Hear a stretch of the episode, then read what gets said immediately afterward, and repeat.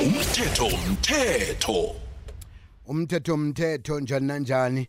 Silotshise-ke isithekeli sethu. Masangana lotshani. Akwande biziwe kunjani na? Yoke into ikuhamba kamnandi. Kulithaba ukuthi sikhambe nawe kodwa namhlanje si uzosihlahlula ngehlangothini lomthetho. Akuthokoze mina biziwe yathokoza kulisana ubulaleli bonke bekwekwezi f m umkhathi omkhulu kukhanya ba. Masangana asithome la iyini incwadi yevikeleko i-protection order iyini? Incwadi yevikeleko eh i-protection order le iyincwadi ekhutshwa yi-court eh layela abanyana umuntu lona ohlukumeza omunye umuntu alise okumhlukumeza ngombana nakhibe uragela phambili ngokumhlukumeza uzokubotshwa nayenziwa kwencwadi le ihlala isikhathi esingangani ngoba nasi nokubona omunye uthola i-protection order unyaka lo kodwa lo mnyaka ozako umbone senguye ogijimela lapha sagijima hlanu komuntu lohlukumezekako kodu iye iyenzeka into leyo biziwe. Asithome lana asithome sithi-ke ke sithi nangumuntu uyahlukumezwa and nakahlukumezwako uyakuhamba uye court uyoku-aplyela for i-protection order. Kaye emapholiseni uye court uyogcwatha amaphepha amanye then amaphepha lawo ukuhamba nayo emapholiseni bayowanikeza umuntu lona ohlukumeza lo omunye. Eh then umuntu loyo uzoba nelanga la kuvela ngalo ecourt ukuthi kuba yini incwadi levikeleko ingenziwa final. Nangeziko bazoyenza final and then izokuhlala yona ihlala iminyaka kuhle kuhle engaba uh, mihlanu.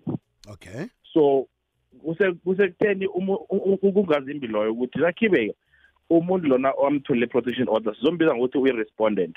Nakhibe oragela phambili uyamhlukumeza akuhambe aye e-police station ayobika umlando ngoba ukuviolata incwadi leyo yevikeleko kungumlando namapholisa kosela ukuthi akuhamba ayombopha angasabuyela ayoku-aplayela enye noho i-protection order. Ase akuhambe kuphela nale anayo emapholiseni.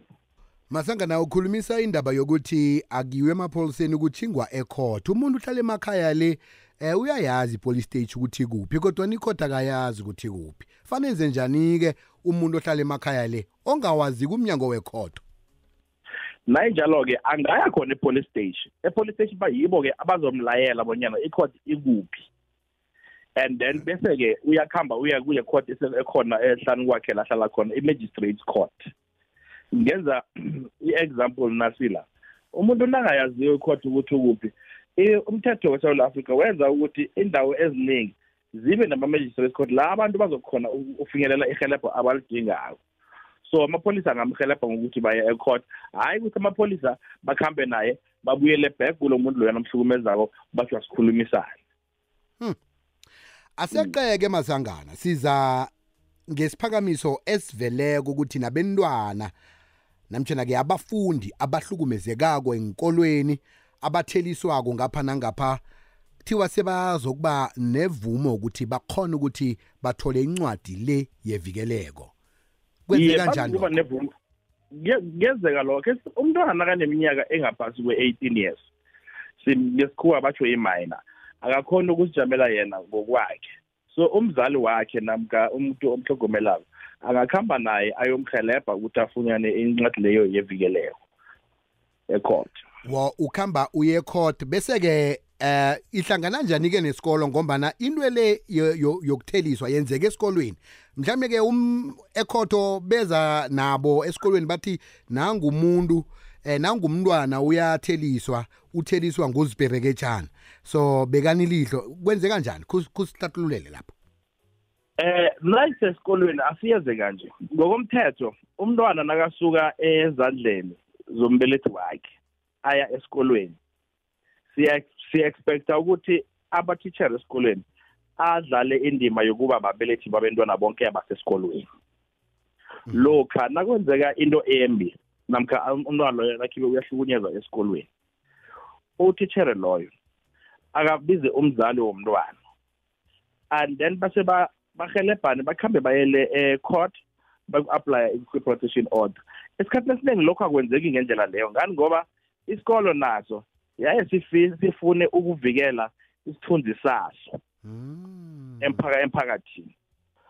Manje-ke ngendlela yakhona ikambiso yakhona kukuthi isikolo jemtele sivikela abantwana ngendlela efana bonga sonke isikhathi. Ngokuthi na utitshala loyo akuhambe nomzali womntwana loyo bakhambe baye court bayo-aplayela i-protection order. Balise indaba leyo ukuthi thina sizoyisolva ngokwethu sihlalisane phasi sikhulumisane. Ayibereki njalo. Ngombana nalo mntwana lo othelisako ohlukumeza omunye naye umntwana ofunda kisi isikolo sisiyamthanda naye. Manje ke kwenziwani ngaye? Ngombana eh kuyabonakala ukuthi la eh sekuhlanganisa abantu kuhlanganisa imindeni emibili ukuthi u ababelethi balomntwana lo otheliswako nababelethi bomntwana lo othelisako kuyokhamba kube nerarano lapho ngabentwana aba ngombana bangavela bathi umntwana ethu thina sikamthumi ukuthi akathelise abentwana benu. Isetshenzwa njani kunakufika kulelo hlangothi?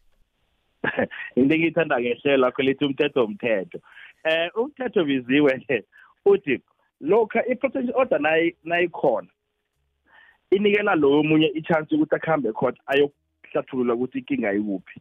Hmm. and then i-court inelungelo lokukhipha imibandelo mayikhipha i-protection order yokugcina. Ikhipha imibandelo ukuthi umntwana lo angakhambeli eduze nomntwana lo namkha angenzi one two three. Eh ithatha ithatha nokho into consideration ifact yokuthi abantwana labo bafunda esikoleni sinye. Ngeyiphi imigomo nemibandela engakhishwa yi-court engekhe yahlangahlanganisa ubudlelwano babantwana lo laba nama-teacher nokuthi bakhona ukufunda kuhle. Loko sekuyi-discretion namkha sekuphuma ku-court ukuthi yona ibeka imigomo nemibandela miphi siyacala nakhona ukuthi bafunda eklasini linye na? Hmm. nakhibe bafunda eklasini linye ngathiwa abantwana laba khe bahlukanyiswe omunye aye kwe-b omunye aye ku-c. Unless nakhibe-ke esikoleni neso akuna grade uh, two a no b. Kuno grade 2A kuphela. Akukhonakala ukuthi abantwana labo bangahlukanyiswa then lapho khona-ke kula icourt ingatsho khona ukuthi ngeyiphi into ekosele yenziwe either omunye wabantwana labo kosele aphume esikoleni eso. Hmm. hmm. and nesikolo naso kose sibe namagadango esiwathathako against umntwana ohlorisa omunye umntwana. Banayo i-court of conduct esikolweni. Amatitshere lawo kosele ukuthi ayi-enforce. Babusithole-ke sesiyivala ungathanda ukuthini? Eh kiwo wonke nje umuntu olaleleko ngesihloko sethu sanamhlanje ngoba nasithinda pheze wonke umuntu. Sithinda wena mntwana sithinda wena mbelethi sithinda wena tichere sithinda wena lunga eh lomphakathi ngombana ezinye zezinto nazenzekako amanye amalunga womphakathi ayazi ngalokhu. Nabanye abantwana bafunde kuleso sikolo lapho ekutheliswa khona bayayibona into le. Mhlawumbe yena yenzeka eh, endlwaneni zokuphumela kodwana kesinye isikhathi ababi bobabila othelisako nalotheliswako kuba nabanye ababukeleko ngoba na othelisako lo vele kesinye isikhathi ufuna ukuthi abukwe bangani bakhe ukuthi unekhono elingangani lokuthi angathelisa kwenzeka intando yakhe esikolweni. Yazi biziwe ngesikhuwa kunenye into abayibiza ngokuthi charity begins at home. Mm. eh mawumbelethi womntwana uyamazi umntwana wakho and then kuyi-responsibility yakho njengomzali ukuthi umntwana wakho umkhulise ngendlela yokuthi akhona ukufunda ukuziphatha nokuphilisana nabanye abantwana and esikolweni yaye esikhathini esiningi ngingazi kwezinye inkolo ama-private school especially yaye i-behavior yabantwana istadishiwe ma-social worker azabe akhona esikoleni. Or namkha mm, babereka esikolweni neso mm, mm. ukuthi bakhona ukumaneja ubudlelwane babentwanaba. Ukuthi bakhona uku-avoida ingameko enjengalezo ukuthi bagcine sebahlorisana enye into nokho biziwe ukuthi thina sibezale sibabelethi semthe sifundise abantwana bethu ukuziphatha.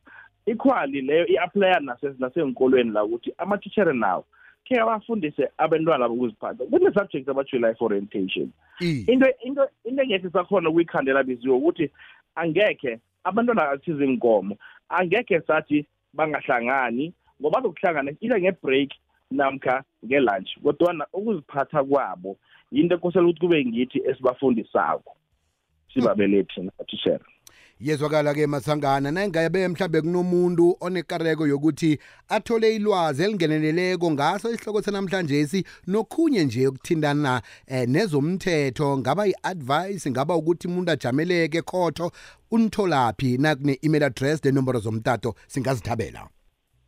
Ithi sithomelana ukuze umuntu lona akhona ukuthola ilwazi elipheleleko ngale sihloko sethu sanamhlanje ake afunde afune umthetho akawugugula umthetho lona uthi i-protect uthi protection from harassment act.